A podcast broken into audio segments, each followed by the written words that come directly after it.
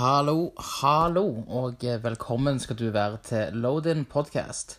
Jeg er Harald Harestad fra KT Klør First Dreamers. Vil gjerne få si en eh, kjapp takk til alle dere som hørte på første episoden, og eh, ga deres tilbakemeldinger på den. Det betyr, eh, det betyr mye. Denne podcasten er jo fremdeles helt ny, og jeg har fremdeles ikke gjort dette her før. Så det betyr det litt ekstra hver gang dere gir en kommentar eller en like eller en tilbakemelding på hvordan eh, dere syns dette her går, da. Eh, vi er jo da kommet til episode to, eh, og dette er fortsettelsen av min samtale med Emilie Eie. God fornøyelse.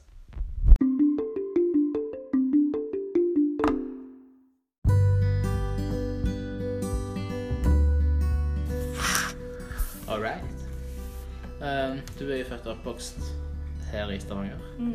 Jeg er født og oppvokst her i Stavanger. Uh, hvor lenge har du spilt i band? Jeg har spilt i band siden jeg gikk i niende, tror jeg det var. Vi begynte å spille. Om det vært. Og så ganske gjennomgående siden da. Med, med litt sånn opphold. Så hvordan var det Altså sånn Piffany er jo det siste bandet som jeg hørte om at du spilte i. Ja. uh, og det kom uh, rett før dere hadde en sånn One of Reunion-konsert. Ja. Det er rockeband som kom hvorfra?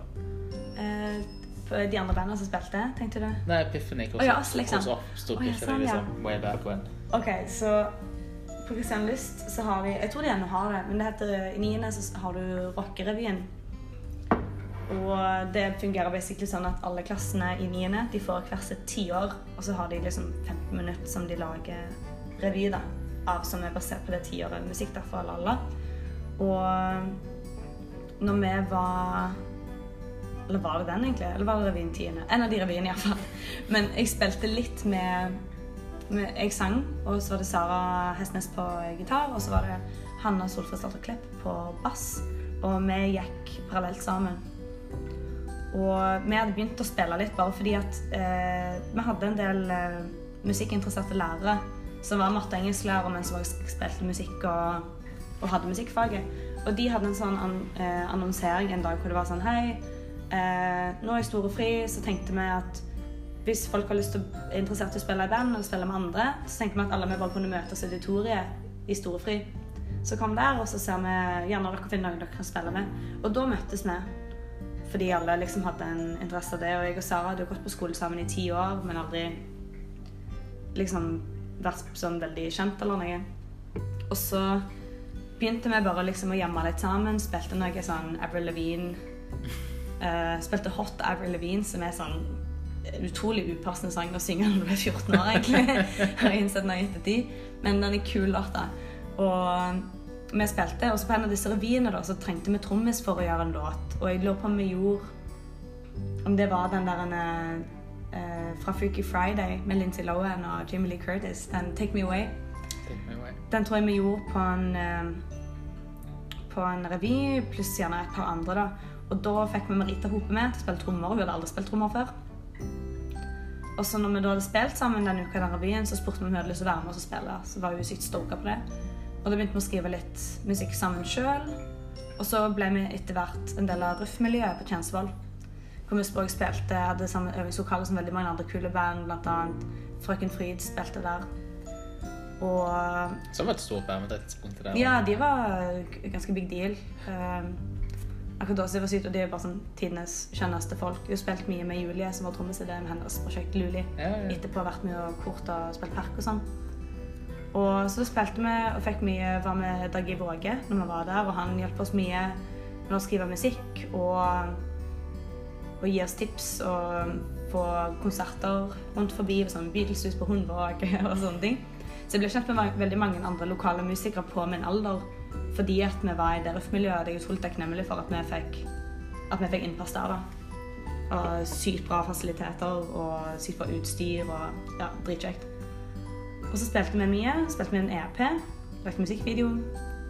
Og så etter videregående så var det på en måte litt slutt, da, fordi eh, Ja, jeg tror ingen av oss egentlig så for oss at det skulle bli en sånn dette er det vi skal gjøre resten av livet. Typ. Men det var sykt kjekt der og da. Og det var veldig sånn tidsriktig musikk for den tiden. Det er veldig sånn eh, emo-rock fra 2000-tallet. Pop-rock eh, inspirert av Avril Lavigne og Green Day og liksom Husker du første øving? Eh, jeg husker ikke, jeg husker at liksom helt i starten ble med ei på keyboard som bare var med sånn én gang, og så ville jeg ikke være med. Um, og da var vi i eh, det ene øvingsrommet på Christian Lyst, og det var nede nede i kjelleren. Jeg husker veldig godt hvordan det rommet lå. Men da vi var med Marita, da var det jo òg i et av de rommene. Da husker vi begynte å spille mye coverlåter. Sånn, spilte Seven Nation Army og Rock and Roll Soldiers og, og mye sammen. Jeg husker ikke akkurat hvordan første øvingen var.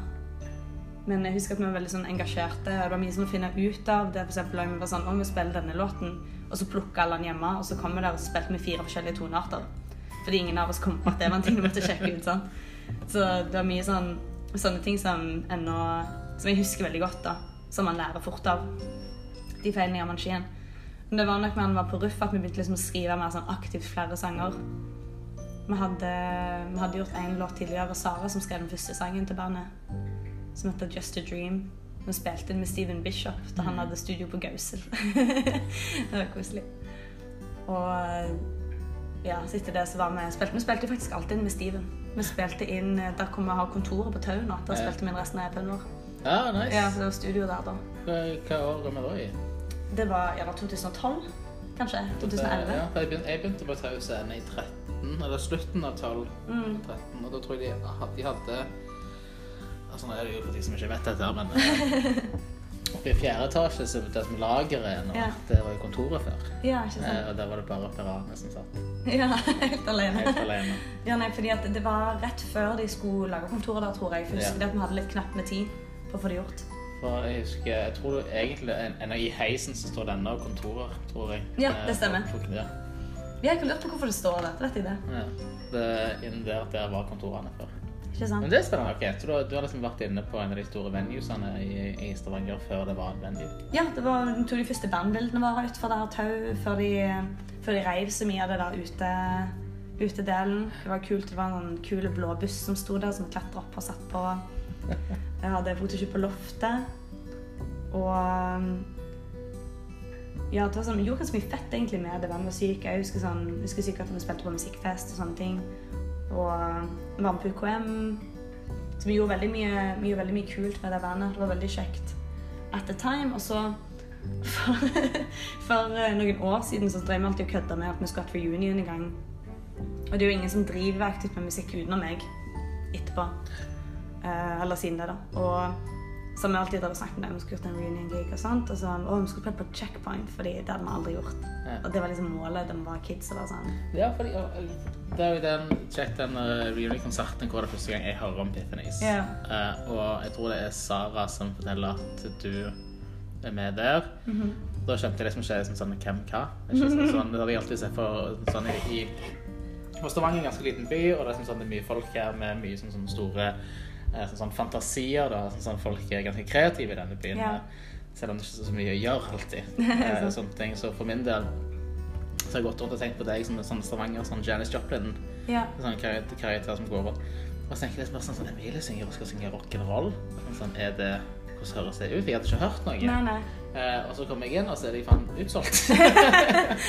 og det er liksom Det er tre oppvarmingsband, eller var det to? Det var tre, ja. Vi var fire band totalt. Det var det første bandet jeg så Var det Crank? Det var Killing Butterfly som Det var, første bandet. Nei, vent, det var Adopting Peter. Adopting først, Peter var tror først. jeg. Ok, så jeg Mm. kom inn som på slutten av Adopting Peter-settet. Mm. Syns det var eh, helt sånn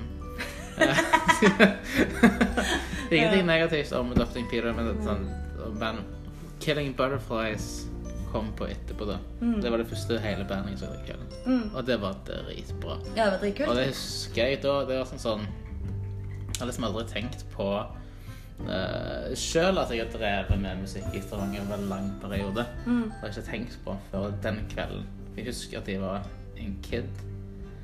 Jeg tror jeg, jeg er sånn rett rundt den samme alderen til Killing Butterflies. Yeah. Om jeg er litt eldre eller de er litt eldre, vet jeg ikke. Men det er ca. det samme. Mm.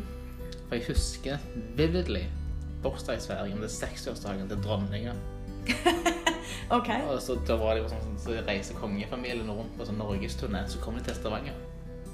Og da hadde liksom rett forbi Kongsgård nær i Stavanger sentrum, så hadde det vært sånn svært sånn hjerte rett forbi domkirka der, eh, i roser. Og så var det en scene Altså hadde jeg lest i Rogalands Avis, som det heter da, eh, at uh, Killing Butterfly skulle spille et punkband. Jeg har akkurat begynt å komme meg inn i rock'n'roll og punk og den verden der. Så jeg reiste ned alene for å se Killing Butterflies og ble dritsure fordi de hadde hatt scenen vekk. De tok scenen vekk fra publikum. Oh. Så det var liksom scenen foran, og så var det publikumsområdet bak scenen. Oh. Sånn at når kongefamilien kom ut fra Kongsgård, yeah. så var det bare de som skulle se bandet. Hæ? Ja, ja. Så det, rart. Ja, så det er scenen, og så er gjerder sånn ved siden av scenen, og så masse publikum som står der. Så, så vi står liksom på linje med bandet. Jeg må liksom lene meg ut, og fikk jeg skjelt ut av en eh, sånn politimann. Han trodde Ja. jeg prøvde å hoppe i gjerdet eller et eller annet. Vi prøvde bare å se bandet. Ja, det Dreiv liksom. Jeg synes han jeg skulle kunne veldig kul, men og det var morsomt å se liksom sånn, Mm. å få se dronningen og, det, og kongen og alle disse her folka når du er kid. Det er du å spille som et punkband skal spille for en kongefamilie. Jo, men jeg, jeg, jeg syns jeg husker det at sånn, kronprins Haakon eh, er jo egentlig sånn rock'n'roll-fyr og sånne ting. Og eh, hun eh, Mette-Marit Ja. er jo også sånn house eh, sånn. Sånn fra gammelt av. Mhm. Så det i, i seg sjøl var litt sånn OK, det er derfor, liksom. Eh, Ja. Og så er det Killing Butterflies. Og så når de skulle spille da med dere, og jeg så den plakaten deres som dere hadde fått lagd opp Mm. så var jeg sånn Shit, det her er jo dritkult. Så jeg så hele konserten til Killing Butterflies og fikk litt sånn Fuck, jeg må jo spille en konsert med de Mm. nå. Ja, jeg husker det. ja, jeg var helt sånn sjokkert, og det er dritbra. Eh, og så var det Crank etterpå, som var jo Mm. var jo litt der. Eh, og så spilte dere. Ja. Og da begynte jeg å lure på sånn, for nå er det jo Sånn som vi har snakket nå i hele denne episoden her, sånn, du har jo vært i ganske mange sånn forskjellige sjangere. Mm. Altså du gjør liksom ingenting flere ganger. Nei. Eh, til nå i hvert fall. Altså hvert prosjekt er forskjellig. Ja. Og da er det liksom sånn eh, Hvorfor slutta det med rock'n'roll, egentlig? Sånn, jeg tror at det var jævlig bra. Ja, det, det er jævla gøy. Og det var Det som var litt sånn gøy med den, var at jeg tror bare at før det at jeg Og jeg ganske lenge følte at det bandet ikke representerte meg så godt. Fordi tekstene Alt det fra ungdomsskolen og videregående. sant? Det er så det er liksom det Old me, eller liksom, det representerer liksom en annen, annen versjon av meg. sant? Som jeg liksom kan stå for. Jeg kan gjerne se tekstene fra litt annet ståsted nå, og sånt, men um, For du vet, du kan skrive nye tekster. ja. ja, jeg kan det. Og eh, jeg, savner, jeg får jo litt, eh, litt sånn utløp for rockeren i meg når jeg spiller med valp av og til. eh, på deler av det. Og, men jeg tror at liksom Epiphany at det var, det var sykt kjekt, men at det på et tidspunkt var litt sånn eh, Jeg syns kanskje det var litt vanskelig å være liksom den personen som uh, Uten å høres sånn teit ut, men at jeg var den som tok musikk seriøst sånn utenom. Det er sånn for de andre sånn de driver med helt andre ting. Mm. Og det er dritfett. Og at jeg kjente at jeg eh, At nå i seinere tid at jeg gjerne følte at det var vanskelig for meg å stå inne for alt. Typ.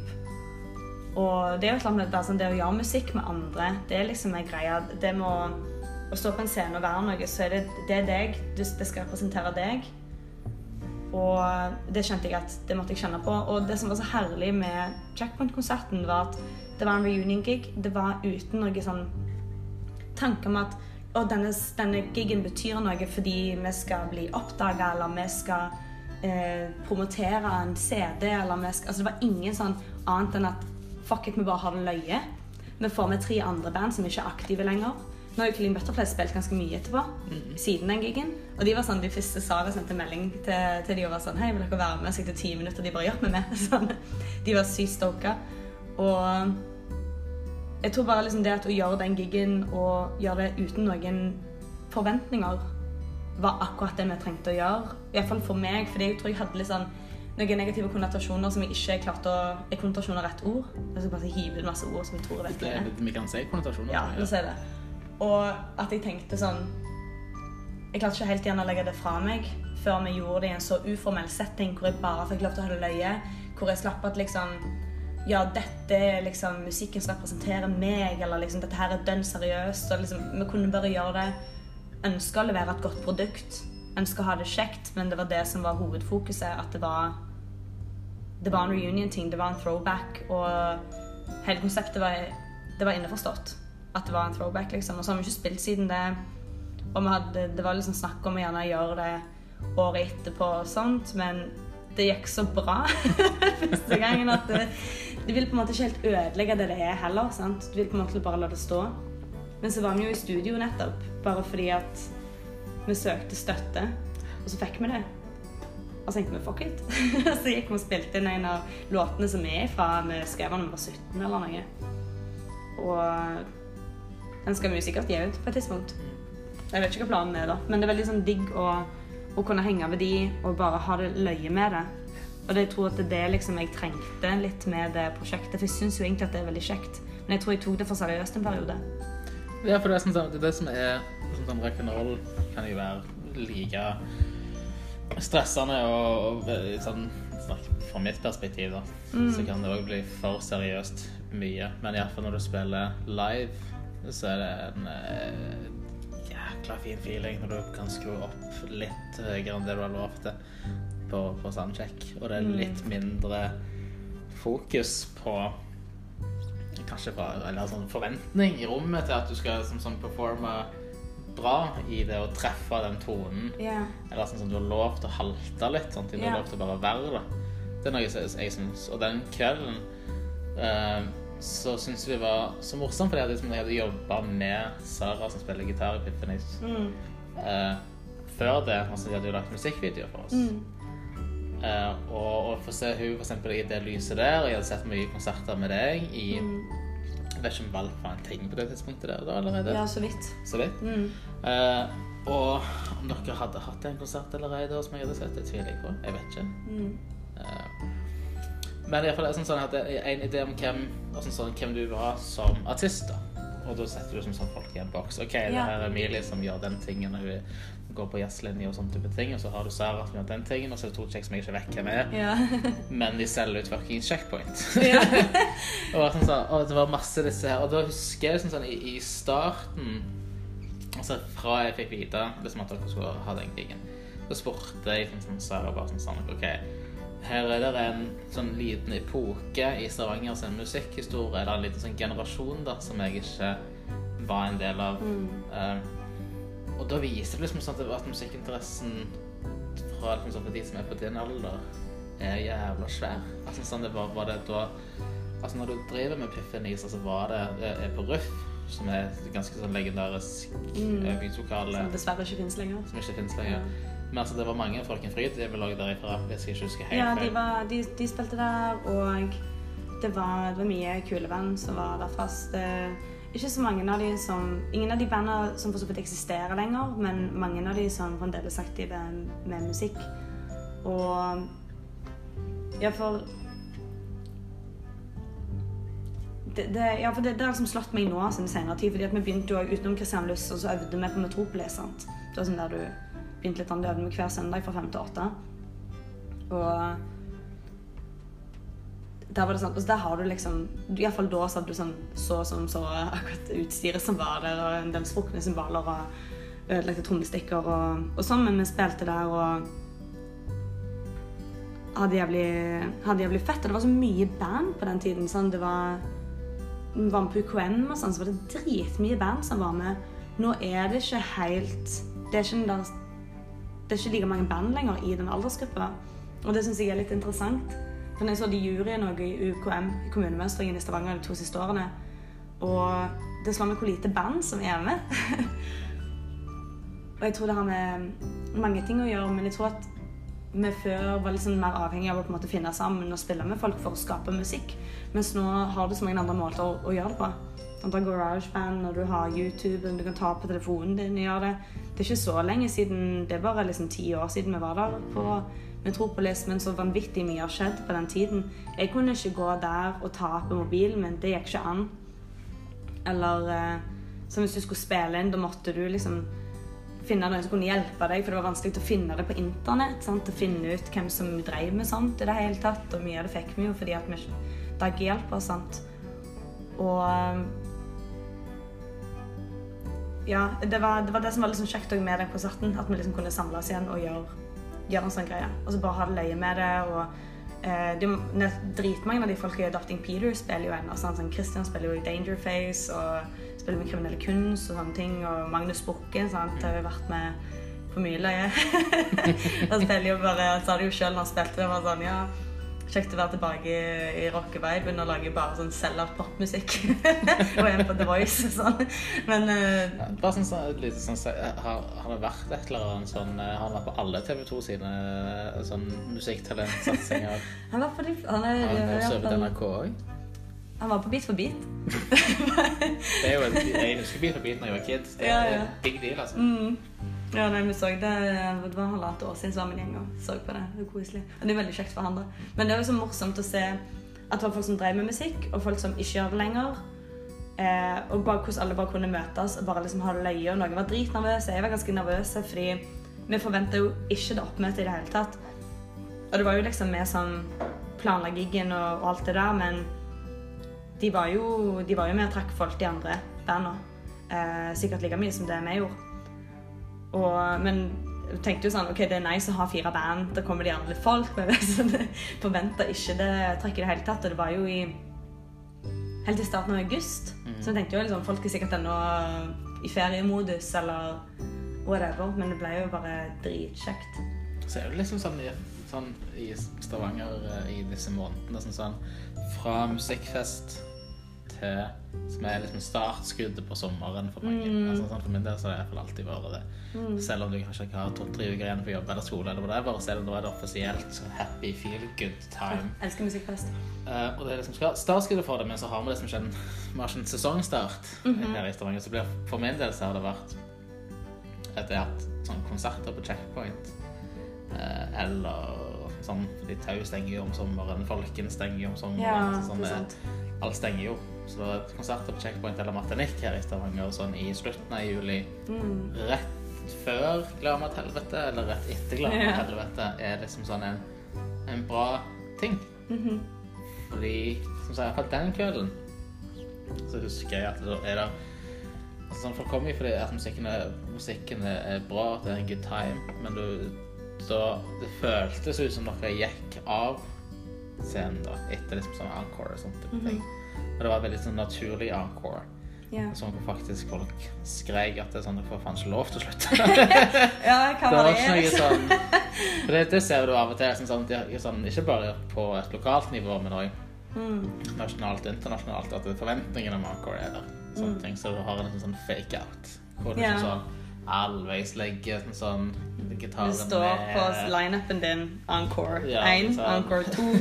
Og så Ingenting galt i det, men eh, jeg har ja. du litt sånn på siden. Du kan ikke gå ned fra scenen. Du vet at du skal opp igjen anyways. Men det var liksom sånn Det virker i alle fall som det ikke var planen til encore, og publikum krevde jo å få det. Mm. Uh, som for meg tenkte sånn folk er så jækla gira. At det er sånn sånn Og det var et sykt sånn nice greie. Mm. Eh, for sånn sånn Hvis vi går over til liksom sånn å snakke om Stavanger som musikkby, så føler jeg av og til kanskje at Stavanger får et litt sånn dårlig rykte Ja. som musikkby. Jeg lurer på hva du tenker om sånn, den tittelen Stavanger musikkby. Ja, jeg tror jeg er sånn eh, litt enig eh, i at det har litt dårlig rykte. Og jeg er litt uenig i det ryktet. Jeg syns ikke egentlig man fortjener det. Det som, det som på en måte er bra og problematisk med musikkmiljøet i Stavanger på en samme tid, er at det er så vanvittig mye som skjer. at det kan være vanskelig å vite hva du skal prioritere. Så det er jo sånn eh, hver eneste dag i uka, hvis du vil på konsert, så finner du en. Og det er jo konge. Men det betyr jo òg at man må kjempe mer om den plassen mer enn vi måtte før. Vi har mye mer scener nå. Det som jeg synes er så kjekt når jeg snakker med musikere som eksempel lurer på om å begynne å studere musikk her, eller flytte her til å drive med musikk, ehm, så det alt sånn men Hvordan er liksom muligheten for å få spille? Og det er så sykt store muligheter for å få spille her. Er sånn, ikke for å liksom snakke piss om Oslo eller noe, men skal du til Oslo, og du er mer enn en duo, så må du betale hyra. Ja, ja, ja. Du får ikke spilt uten det. Og her er det så mange steder hvor det er ikke nødvendigvis at du får betalt for en gig. Sant? Det kan man ikke gjøre hver gang. Hvis du hyrer deg sjøl, så kan du ikke forvente at folk skal betale minste alle musikerne dine. Men det er så mange steder hvor du kan gå og spille uten å ha utgifter. Som går på leie utstyr, leie lokale, leie lydmann. Og det er jo på en måte et slags valg konsertarrangører og bareier og sånt har tatt i denne byen. Og det syns jeg er sykt fint, fordi at de kunne nok, hvis alle hadde begynt å gjøre det Nå må ikke de høre på å begynne å gjøre det, si, men de kunne lett ha tatt et beløp som eh, til leie. Men de gjør det ikke. Og det syns jeg er sykt kjekt. Så det er utrolig mange sånne måter å få spille på. Jeg syns det er scener for mye forskjellig musikk i denne byen, og mange scener som gjerne er forbundet med en type sjanger, men som ikke er eksklusivt den sjangeren. Um, og jeg syns òg at om du ikke er 18-20 eller godt voksen, at det òg er steder og muligheter for å få spille da. Når jeg var kid, så var det veldig sånn utenkelig å spille på steder som var 18-årssteder. Med mindre du ble oppdaga og booka inn som supportband, og det var helt sjukt. Med mindre det var på Metropolis. sant? Eller um, Ja. Eller sånn et Beatles-hus en plass. sant? Eller en plass uten alkoholservering. og Ikke at man bare må spille der, men det er jo klart at de som går på et sted uten alkoholservering, det er jo fort de som ikke kan drikke. Og du får ikke utvide den horisonten på samme måte. Så ja, nei, jeg vet ikke. Det er sånn, jeg tror at Stavanger før gjerne var litt dårligere på å gå og høre ting. Og jeg tror vi kan være dritt på det òg. Det er litt den der Og jeg har aldri hørt om det, så jeg ikke sjekke det ut. Mentalitet, men det tror jeg ikke er spesielt for Stavanger. Det tror jeg bare er en ting med folk. egentlig. Ja, jo, og sånn, hvis du sånn i eh, godt Jeg har gått mye på konserter rundt omkring i, i, i verden, og den samme sånn mentaliteten er der hvor enn du går hen. Mm. Altså, folk går gjerne mest på de tingene de vet hva er. Mm. Poenget med Oslo at det er mer folk Mm. eh, som går ut. Altså, hvis jeg er ti stykker som er villige til å sjekke ut et, eh, et random band her i Stavanger midt i uka, så vil det kanskje tallet kanskje være mot 100-150 i, i større byer. Ja. Eh, fordi det som er løye, at sånn, når jeg har gått og har spilt i, jeg har ikke spilt sånn veldig mange steder, eller veldig mange ganger i samme plass i et utland, men jeg har spilt mye i Norge, og en by jeg synes er alltid vanskelig å trekke folk i, er Kristiansand. En by hvor det alltid er oppmøte, er Arendal. mm, Og, okay. ja.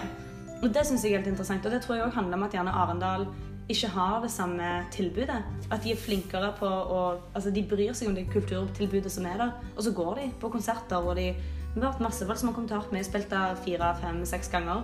Alltid folk å høre på. Første gangen jeg spilte i Arendal med Cecilie Frank, så en hel gjeng der på sånn ti folk.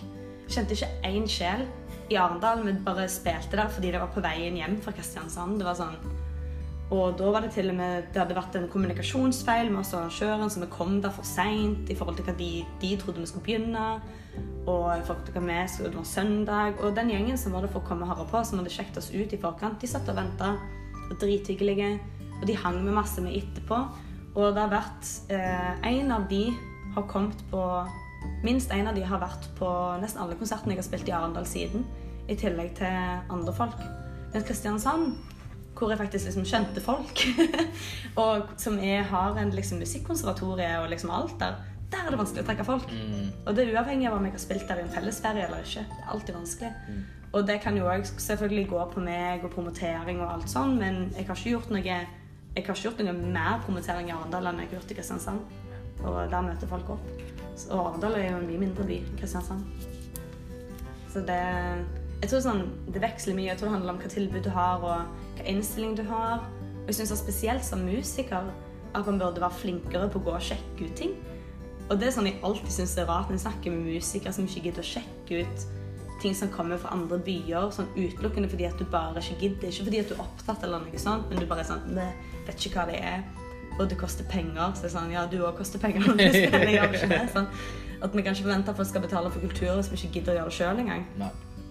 Og ja, jeg kjenner Det syns jeg er sånn en ting som er Spesielt som musikere og kulturfolk kan iallfall være litt sånn flinkere på. At vi ikke at vi i hvert fall er litt bevisst på hvorfor vi ikke går og ser på ting, eller ikke, hvorfor vi ikke går og sjekker ut ting. Ja, for jeg, jeg, jeg, jeg føler veldig mange som er Som har det kortet eh, sånn lett tilgjengelig.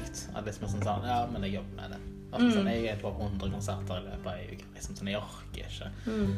Sånn type ting. Og da tenker jeg nesten sånn, hvis de, hvis de snakker om mine konserter, så blir det sånn sånn ah, OK, suger. Du bør gå og se liksom alt ting. Men samtidig så, så, så, så kan jeg fatte det. Eh, men igjen kommer det et svært sånn internasjonalt band som de gjerne har sett 10 000 ganger før. Ja. Så er det null problem å skjelle ut 700 kroner på den. Ja, banden. det er 100 kroner der på Bøker Børs. Det var, sånn, sånn- du betalt for Bøker Børs, men sånn. Ja, men sånn, sånn, altså, sånn, Har vi hatt et ønske om Kanskje ikke dette er spesielt, spesielt for Stavanger, men i alle fall for, for, sånn, for musikere på et lokalt nivå, så kunne jeg gjerne ønske liksom, at ok, de aller fleste At det er en ting man gjør. Det tror jeg det har vært eh, før i tida. Kanskje ikke like stor skala, men det var kanskje litt mer akseptert før. Eh, sånn, sånn type når Stavanger hadde samme kulturtilbudet som Arendal, for meg fremdeles er en veldig liten by. Yeah. Uh, selv om vi er liksom topp fire i Norge, så er ikke det ensbetydende med at vi er sånn metropol. Ja, for sentrumet vårt er veldig lite. Der hvor alt samles og hvor ting skjer. Det er ikke så Det er ikke så svært. Så Ja, da Men sånn òg Folk er av og til bare gjerne litt late. Sånn så kan bare, Fuck it, folk er late, da. Sånn Musikkfest som jeg syns er liksom noe av det fineste Stavanger har.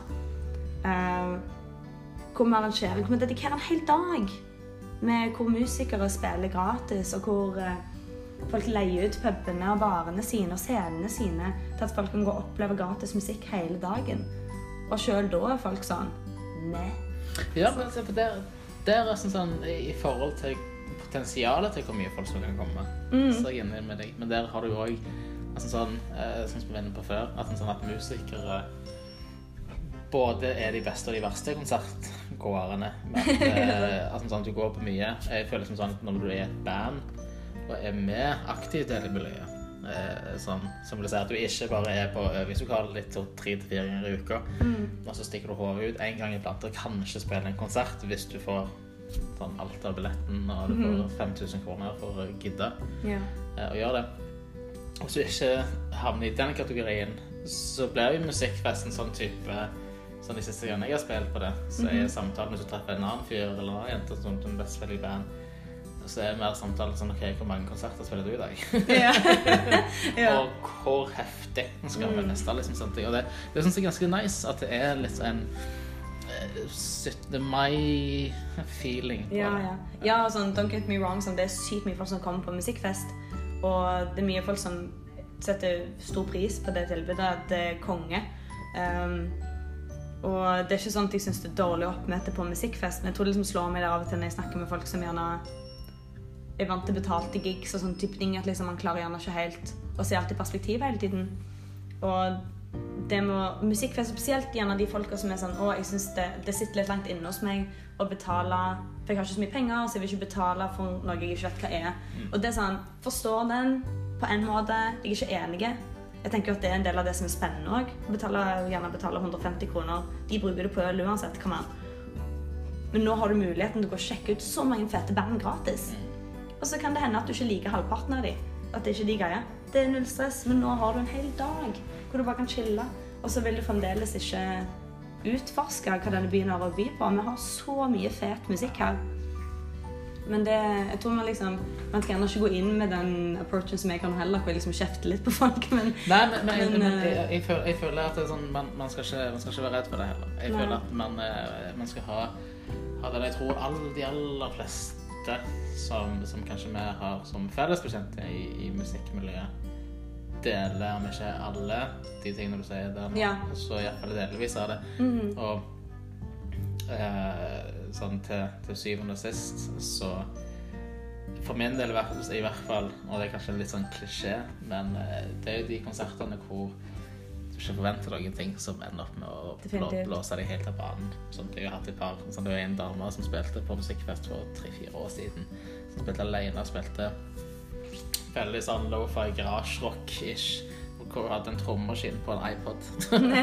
og hvor som hadde teipa til sånn eh, til mikrofonstativet og trykte play mellom hver sang og hadde en ny beat på og spilte og skrek på en en blanding av engelsk og tysk, tror jeg. Sånne ting. Og jeg gikk bort etter konserten, for jeg ble sånn mindblown. Hvem faen er du? Mm. Og hun svarte I don't know. Ah, ja, Og da tenkte jeg bare sånn Yes! Det er jo enda bedre svar. Mm, Sånn, da holder du liksom sånn fantasien levende om liksom at dette her, at du har sett noe svært. mm. Og så skulle hun si hva bandnavnet var, og så skrev du det ned på iPhonen min.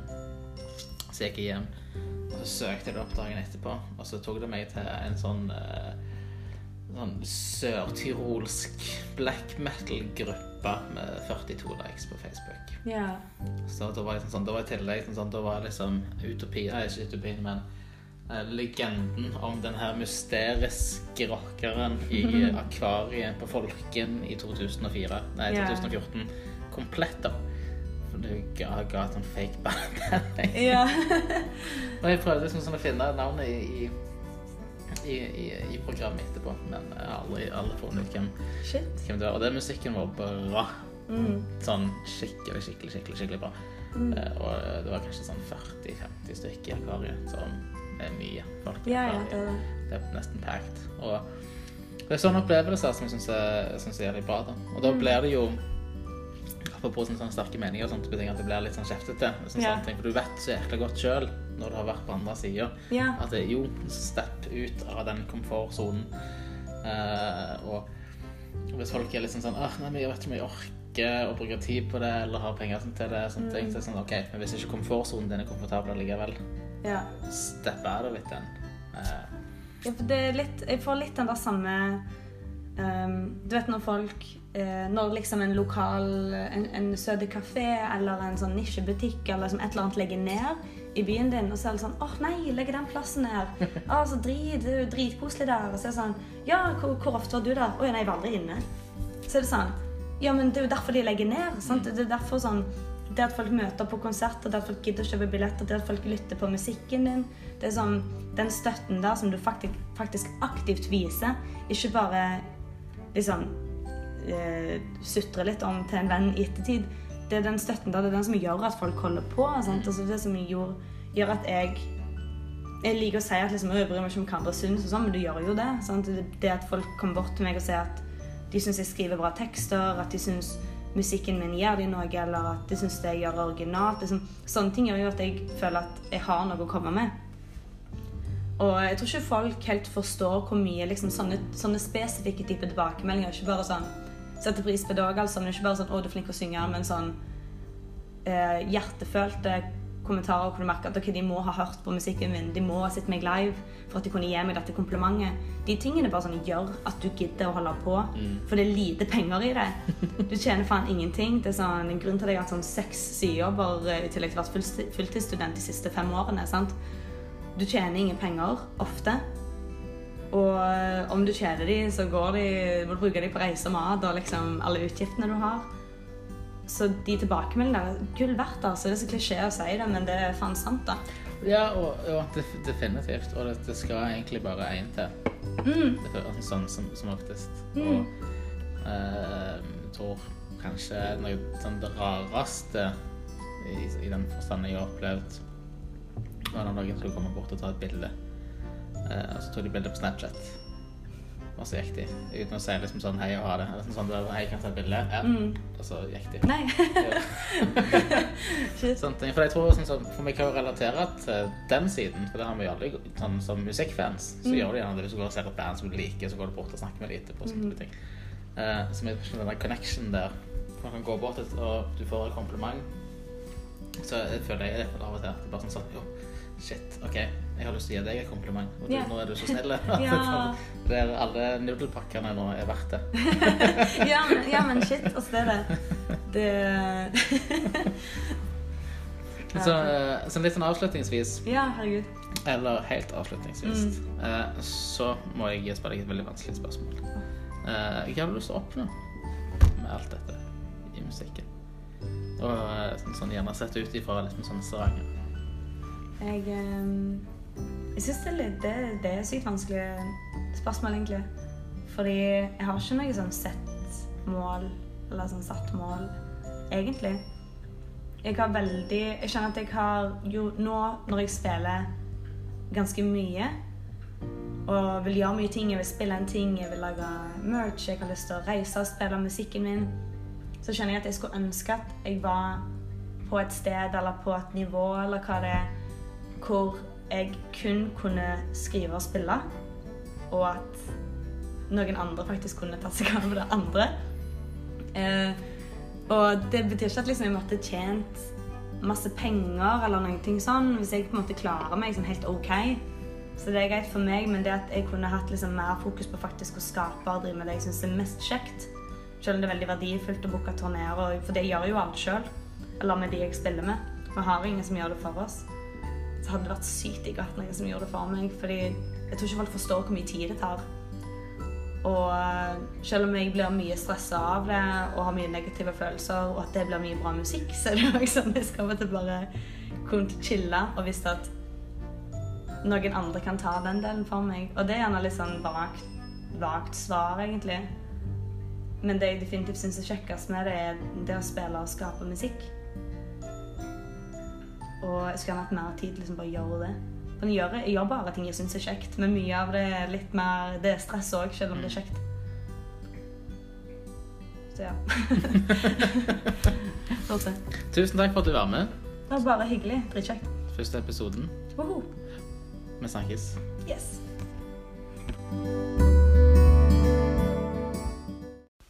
Hei, det er bare en liten påminnelse. Load-in-sesongen 2020 starter nå på onsdag 29.